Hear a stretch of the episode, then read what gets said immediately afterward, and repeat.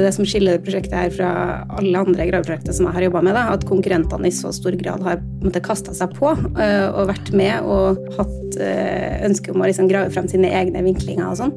Og det har jo gjort at vi ikke alltid har kunnet tatt oss så god tid som vi kanskje hadde lyst til. Altså Vanligvis så sitter vi og venter på den der siste brikken i puslespillet før vi publiserer. Uh, her har vi i større grad måttet egentlig bare publisere det vi har, og være åpne om det vi ikke har, da.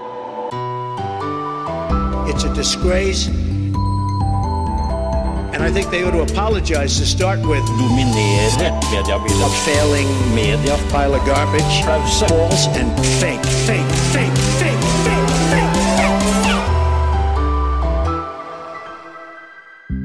Champagnen spruta, og jubelen den ble sluppet løs da Aftenposten vant selveste Scoop-prisen i helga for pendlerboligprosjektet. Men hvordan har det egentlig vært å stå i det som journalister? Velkommen til pressepodden fra Medie24, Nina Selbo Thorseth og Vegard Venli. Tusen takk. Tusen takk. Vi skal snakke om gravejournalistikk. Eh, vi skal snakke om motstand fra kilder, om det deilige øyeblikket i helga, og mye mer. Men først noen ord fra våre annonsører. Vestnytt og Askøyværingen har hatt en heidundrende digital utvikling de siste årene, og vi ønsker å fortsette å utvikle oss til det beste for lesere i alle aldre. Nå søker vi nyhetsjournalister til både fast stilling og vikariat. Les mer på stilling.m24.no. NRK er på jakt etter en redaksjonsleder i dokumentar- og samfunnsavdelingen til fast stilling. Du får leder- og personalansvar for dyktige journalister som leverer sterk samfunnsjournalistikk på alle plattformer. Les mer om stillingen på stilling.m24.no. Skal du ansette og sliter med å finne rett kandidat for jobben? Da vil vi anbefale bannerannonsering, så du får ekstra synlighet på forsiden av Medier24.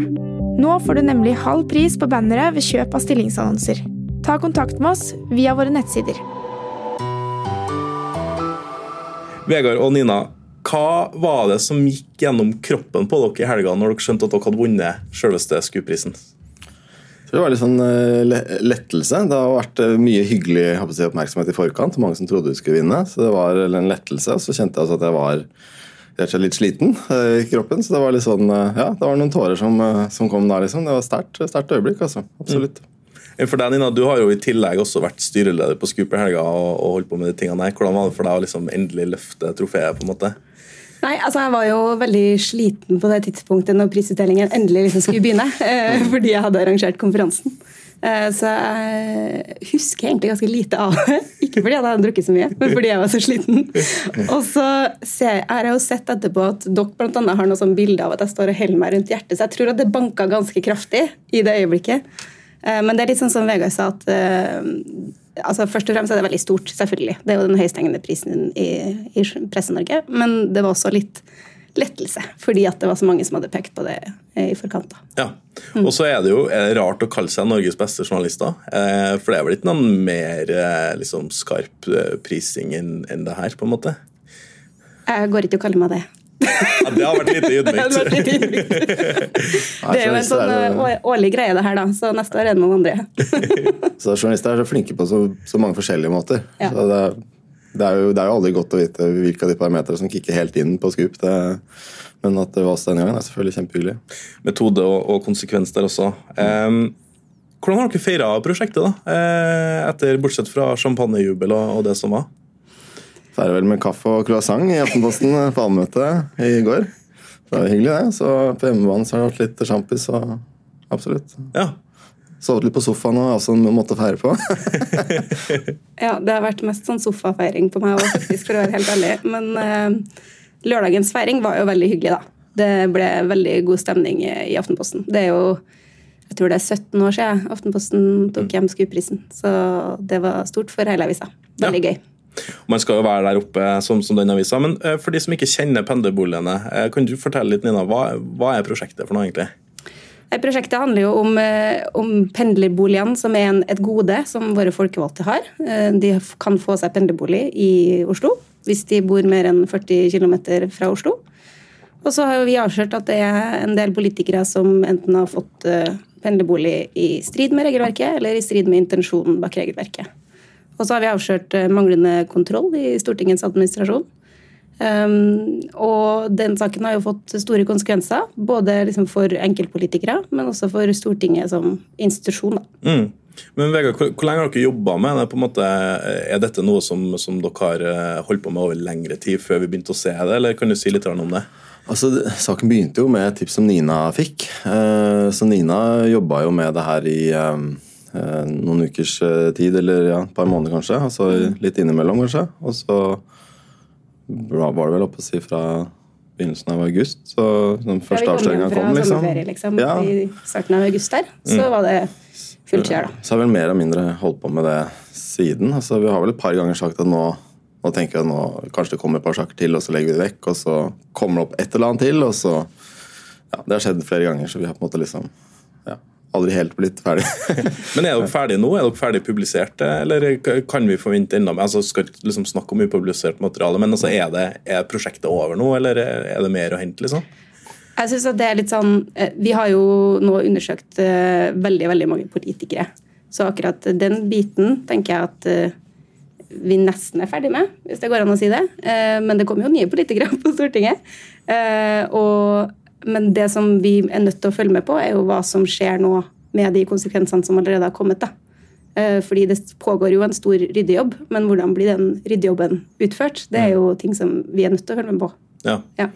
Det, er dere de to mest frykta folkene på Stortinget nå, eller? det må du nesten spørre Stortinget om, men det er veldig mange, veldig mange gode journalister som jobber inn mot Stortinget. Da. Ja. ja. Nei, vi har vel hørt det sånn via via at det er, eh, at det er mange på Stortinget som jeg, begynner å bli litt småengstelige for at vi skal begynne å titte på deres saker. Mm.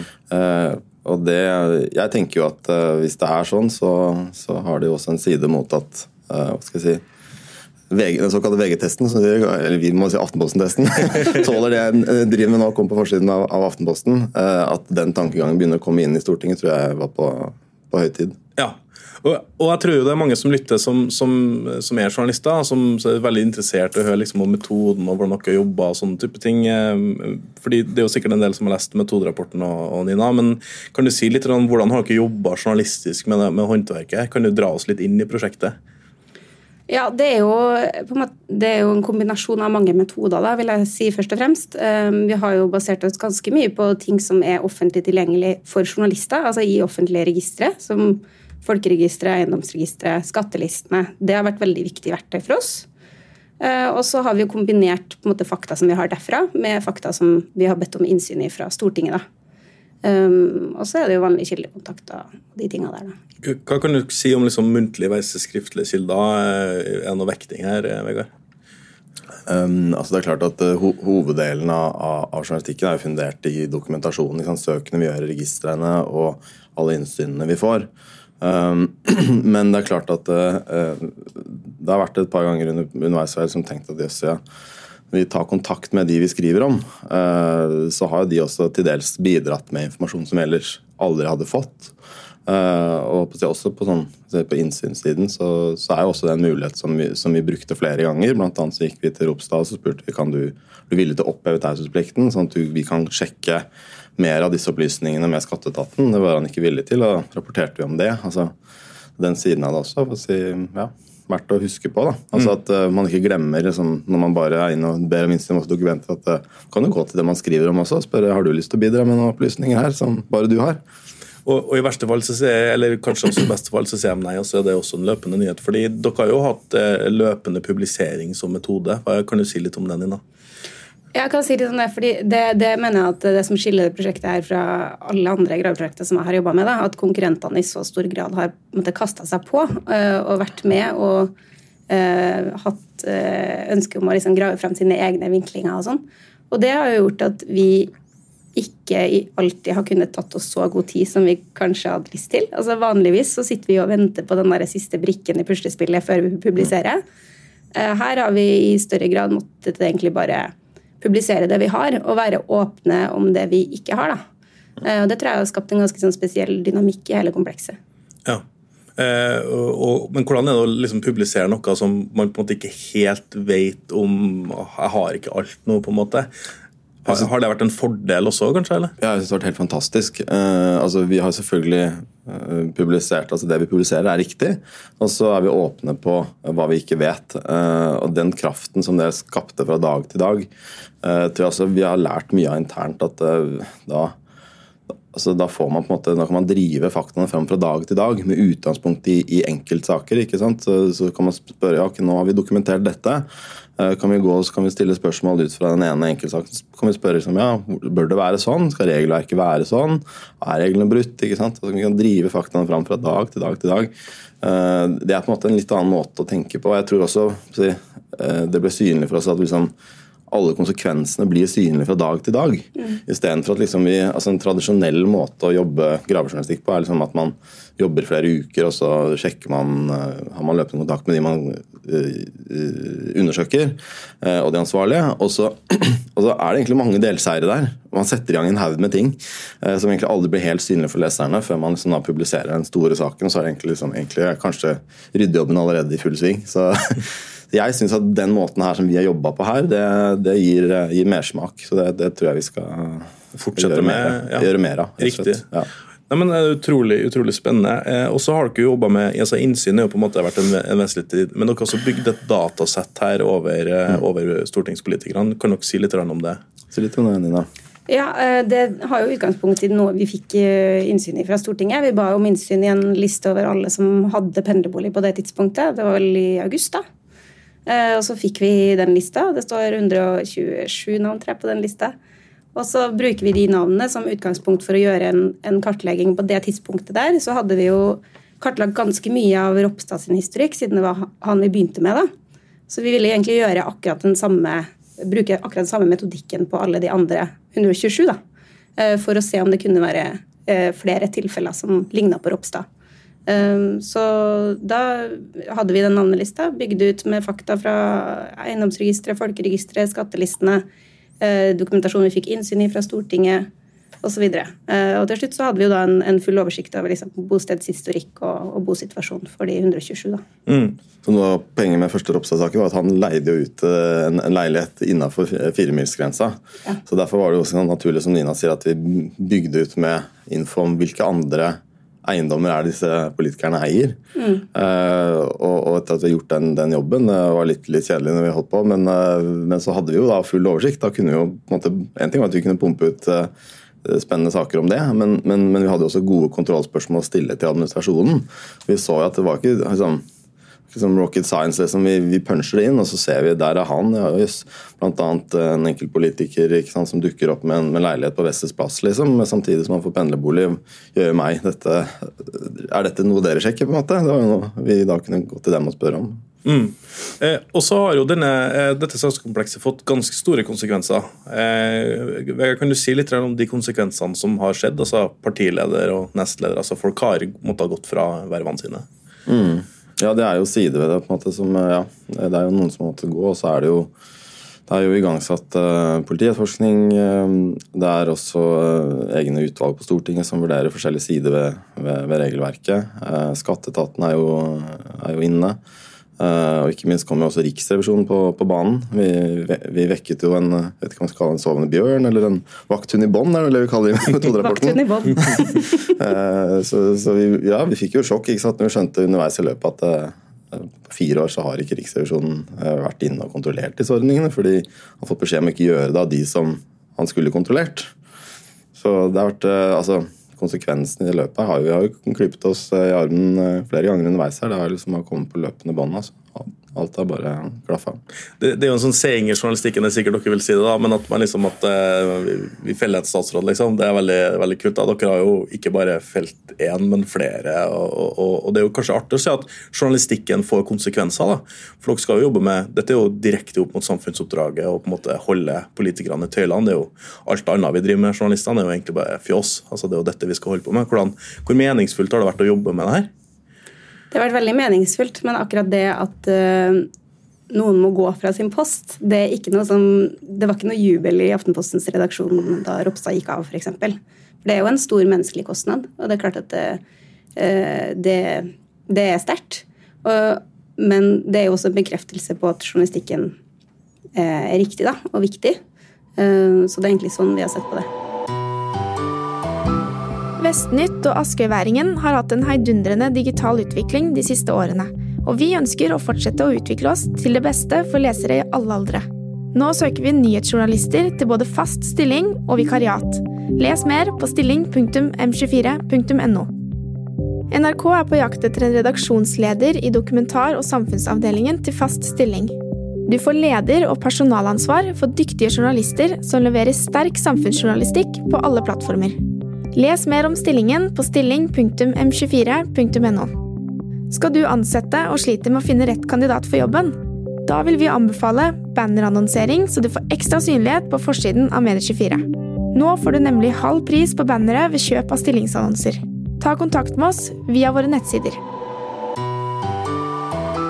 Og så vil jeg jo tro at Når man jobber med gravejournalistikk, så får det også motstand. Eh, motstand fra, fra, kilder, motstand fra spinnapparat eh, og den type ting. Kan dere dra oss litt inn i hvordan har dere vært på innsida når dere har holdt på med det her? Hvordan har motstanden vært, eh, Nina? Det har jo Jeg vil si først og fremst det som sitter igjen for meg, at eh, man får liksom inntrykk av at uh, administrasjonen på Stortinget kanskje ikke er helt uh, vant til eller rigga for undersøkende å, å være mottaker for undersøkende journalistikk. Da, mm. Og de typer kritiske spørsmål som vi stiller. Um, det har vært um, ganske utfordrende. Um, og vi har vel opplevd at de ikke helt sånn fullt ut forstår at vi har kanskje noen andre metoder, andre typer spørsmål enn den vanlige politiske journalisten som, som går på Stortinget. da. Mm. Um, jeg vet ikke om du vil legge til noe der? Vegard? Jo, altså, eh, det, det, er jo ut fra hva vi har erfart da, i, i, høst, så virker det jo som at uh, mediestrategien til Stortinget det er at uh, journalister skal ta kontakt med pressevakten, og så skal de formulere sine spørsmål på e-post. Og så skal, skal da de, de, formul, de måte, pressevakta skal da ta den med ned i, i, administrasjonen og snakke med noen av de hundrevis av medarbeiderne som jobber der, og så skal de komme opp igjen og så skal de formidle det til oss. Altså, det blir et problem for dem, tror jeg, og også et problem for oss. Altså I løpet av eh, Vi har vel publisert er det over 150 saker nå. Så har vi altså ikke vi har ikke snakket én en eneste gang med en fagperson på, på Stortinget. Hæ? Uh, eneste gangen uh, har, Ikke én en eneste gang? Nei. Det eneste gangen jeg har sett en fagperson, det var i et intervju med daværende president som en støtte for presidenten. Uh, og, og, og, vedkommende måtte da på en måte nærmest be om lov til å, å ta ordet uh, for å få lov til å snakke med oss. sånn at det er klart at uh, det, det, er en utfordring for journalistikken at vi ikke får snakke med de som virkelig kan saken. Men jeg, jeg tror nok også kommunikasjonsmessig at det, en, det, det skaper en krevende uh, posisjon for Stortinget og for så vidt eller stortingsadministrasjonen, men også Stortingets direktør, ikke sant, da, som da hele tiden er den som må forklare i den minste detalj i forhold til spørsmålene vi lurer på. Hvor mange er det som jobber i Stortingets administrasjon? Det er flere hundre.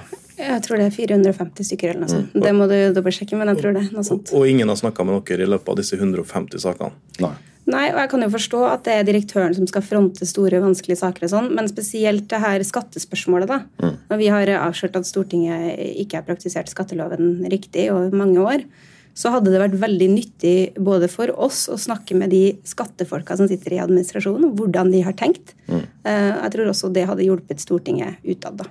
Mm den beste kommunikasjonsstrategien jeg vet om. Det er vel færre og færre som bruker det. De, de har vel et fint begrep for de kaller det desentralisert kommunikasjonsstruktur. Som innebærer at uh, når man trykker på pressekontakt, så kommer man til avdelingsdirektøren på de forskjellige fagområdene. De som kjenner saken. Og så kan man jo se, altså Det er jo ikke alltid vi vil ha liksom Vi er jo ikke der lenger at vi ringer noen og så skal vi ha, gå båndet, liksom. Da skal vi ha et intervju. Altså, vi trenger jo bakgrunnsinformasjon, fagkunnskap, som ikke vi har. Uh, ja. Men hvor utfordrende har det vært? da, At man ikke kan ha snakka med noen av de fagfolkene i det hele tatt? Nei, Det har jo vært utfordrende. Vi må på en måte i større grad eh, stole på oss selv da, og dokumentasjonen vi finner, og fundere journalistikken i både det vi ser vi får svar på, det vi ikke får svar på. Altså, en av de tingene for eksempel, som vi bora i, var jo regelverket for pendlerboliger. Der var det jo huller i, i regelverket. altså Vi skrev en praksis som vi ikke fant igjen i regelverket. Det, fikk allerede svar, men vi, vi publiserte den likevel, vi. Så, så, så, det er klart man må jo da i større grad finne fram til grunnlaget sjøl. Men eh, ja, nei, jeg, jeg, tror nok på en måte liksom eh, hvis, hvis, uh, altså Med tanke på at det er liksom landets største altså Det er lovgivende organ. ikke sant? Altså, eh, jeg tror de har mye å gå på i forhold til å være et forbilde for resten av offentlig sektor. altså Hvis man ønsker åpenhet og ytringsfrihet for ansatte, at man ønsker at sannheten skal fram, så, så tror jeg det er litt å gå på der. Men dere har jo samtidig bevist at selv om man møter en mur av taushet, så klarer man jo å skape journalistikk likevel. Men jeg må jo tro at det er noe omdømmemessige utfordringer for hvis man står og sier nei ved å intervjue. Så. Ja, ja, det er jo det. Og vi ser jo at denne saken har jo fått enorme konsekvenser også for tilliten til Stortinget som institusjon. Det, det er jo veldig alvorlig for Stortinget, selvfølgelig. Mm. Eh, og så er det sånn at eh, eh, Juryen pekte jo på det med sviktende tillit. Eh, at, eh, at, det har fått de, de type konsekvensene der også. Nå har jo dere fått eh, SKUP-prisen på en måte det øverste smykket som viser at dette var, dette var veldig bra. Godkjent stempel av resten av bransjen.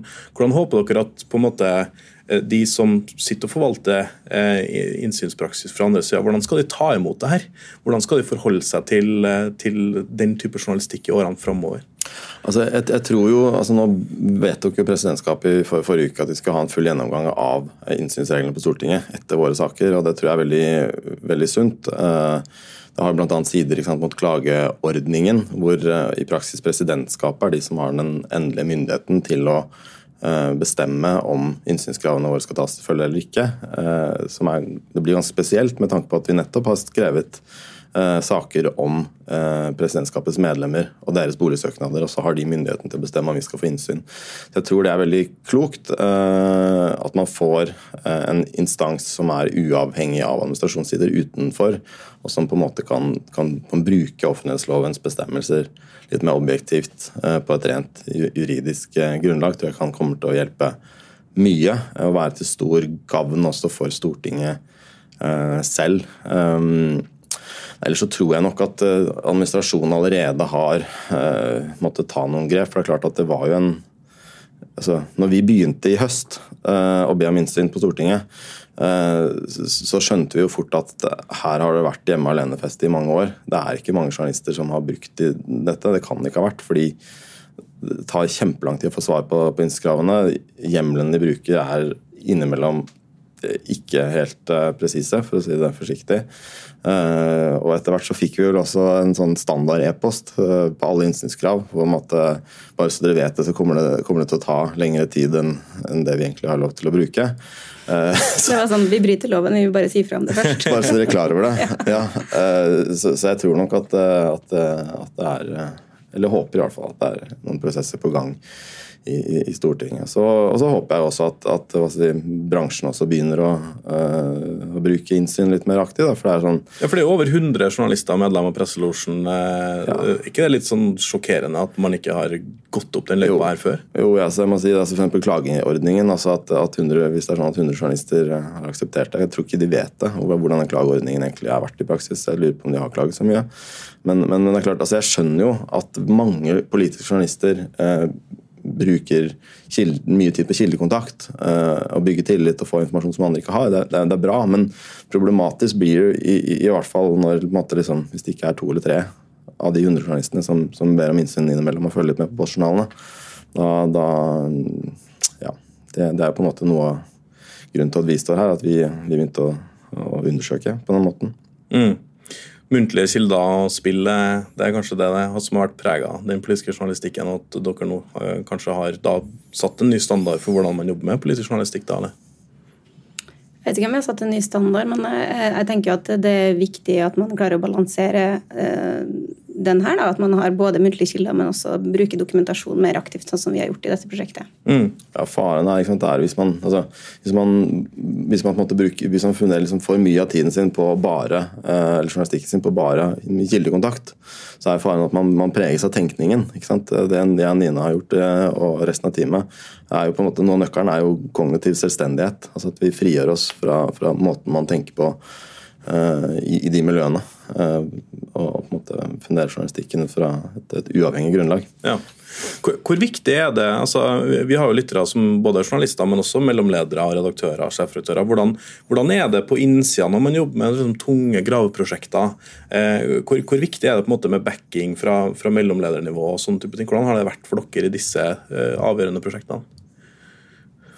Nei, altså det, det, er helt avgjørende å ha støtte på hjemmebane. Eh, altså, det hjelper jo ikke om, vi, vi, tenker smarte tanker hvis, eh, hvis, vi ikke får publisert. Altså, det er jo gjennom publisering eh, at pressen kan gjøre en, en forskjell. Og, og, I den, den høsten her altså, så har vi jo, det har jo vært en, en trykkpress av en annen verden. Altså, vi har jo publisert løpene, som vi sier. Altså, det har jo gått i et rykende kjør. Så, så jeg jo veldig, kjenner meg veldig privilegert som har fått på en måte så så backing på, på hjemmebane eh, til å publisere også underveis eh, i backing eh, emosjonelt og tilstedeværelse. Det er klart at det krever jo eh, både av oss og ikke minst eh, Grave reportasjeledelse at eh, man er veldig på, og det blir seine kvelder og ja, absolutt. Er, er det slitsomt det der? Det er slitsomt. Mm. Ja, det er jo det. altså, vi har jo Eh, vi har jo, samtidig som vi har gjort på en måte et tradisjonelt graveløp, så har vi jo også fungert som breaking-journalister i høst. Eh, og frem til nå. Eh, så det er klart at vi skal fylle to roller. Vi skulle gjerne vært flere i teamet, selv om det er seks veldig veldig flinke folk som, som endte opp på den scenen i Tønsberg i helga. Eh, men vi har hatt nok å holde på med, det vil jeg si. Og mm. de, hvis vi snakker om den ordentlige hjemmebanen av Vegard, de, ja. de, har vel ikke sett oss så veldig mye. Nei, Nei. det er helt sant. Eh, og, dere takka jo også fra scenen eh, familie og venner, og viktig, viktig at man har gode støttespillere der. Hvordan, hvor går man videre herfra? da? Altså, Du har SKUP-diplom fra før, nå har du SKUP-prisen, du har SKUP-prisen. Eh, går det bare nedover herfra, eller hvordan, hva gjør dere videre? Det, har dere store gravløp på gang? Litt sånn type ting? Jeg vil i hvert fall si at For min del så har jeg jobba fulltid med graving siden 2015. Eh, og har aldri stått på scenen i Tønsberg før. Eh, så det er ikke det som på en måte har motivert meg og drevet meg videre. da. Det er vel mer sånn troen på sånn pompøs greie om at eh, vi faktisk kan være med å gjøre en endring. da. Så det, det, vil fortsatt være det som betyr noe for meg, selv om det er veldig hyggelig og veldig stort med, med prisen. altså. Ja. ja. Hvis jeg ikke tar helt feil, så lurer jeg på om du har sendt inn ti metoderapporter? eller? Eh, eller et eller annet sånt. ja, Jeg har ikke telt opp, men ja, vi har, vi, sikkert du. Vi, vi, har, vi har telt opp eh, på det, så never give up. Det er kanskje en viktig, viktig greie. Enn for deg, Vegard? Hvor går, vi, går du videre herfra? Ja, det er som Nina sier, Vi er jo så heldige at vi, vi har stillingsbeskrivelsen og driver med undersøkende journalistikk. Så det er jo det vi skal holde på med framover. Jeg er helt enig med Nina. så det er jo eh, det er jo muligheten til å, å faktisk si, drive samfunnet framover og bidra konstruktivt med, med, kritisk og undersøkende journalistikk som, som, som driver oss. Det er jo det er mange som henger seg opp i det at, eh, at, vi er så kritiske, men det er klart at i, den, i det at vi publiserer saker som er litt eh, med negativt for, for, fortegn, det er, jo, det er, jo, der muligheten ligger til å bli bedre. Så når, man, når måte, vi peker på at tilliten er på bunnivå til politikerne nå, pga. det vi har avslørt, eh, så har jo det også en veldig konstruktiv side i seg der ligger jo potensialet til å, å, gjøre det bedre neste gang. og Det er det vi holder på med. Jeg tror, jeg tror ikke verden kommer til å bli perfekt i vår levetid, men uh, vi kan i hvert fall prøve å liksom være en, en, en, motkraft og holde status quo, kanskje. Ja. Jeg tror det er VG som har eh, vunnet 22 eh, priser og diplomer siden de satte i gang gravearbeidet i 2016 for alvor. Eh, Dagbladet har vunnet tre år på rad tidligere. Eh, er det Aftenposten igjen neste år, tror dere? Uh, nei, altså Det er veldig vanskelig å si. Uh, vi kan ikke man, Jeg pleide å si at man vet aldri med Bernt Olufsen. Mm. Nå skal han uh, gi seg. Men Trine Eilertsen, vår sjefredaktør, sa jo det. Vi hadde en feiring på mandag. Da sa vi at nå har vi jo vunnet både IR-prisen, Årets bilde, SKUP-prisen. Det er jo et eh, symptom, i hvert fall et slags kompliment til journalistikken vår, og et symptom på at vi i hvert fall er på i god stim. da. Mm. Så det må vi jo ta med oss. Uansett, eh, gratulerer så mye til, til, begge to, Nina og Vegard, og resten av teamet også, ikke minst. Eh, og masse lykke til med å stille politikerne til veggs i årene framover. Takk for at dere stilte opp i Pressepodden. Takk for at vi fikk komme. Tusen takk.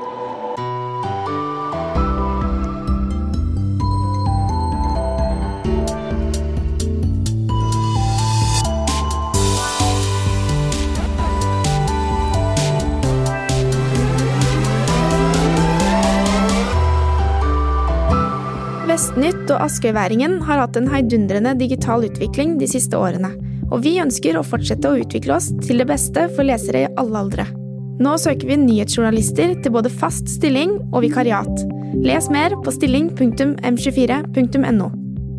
NRK er på jakt etter en redaksjonsleder i dokumentar- og samfunnsavdelingen til fast stilling.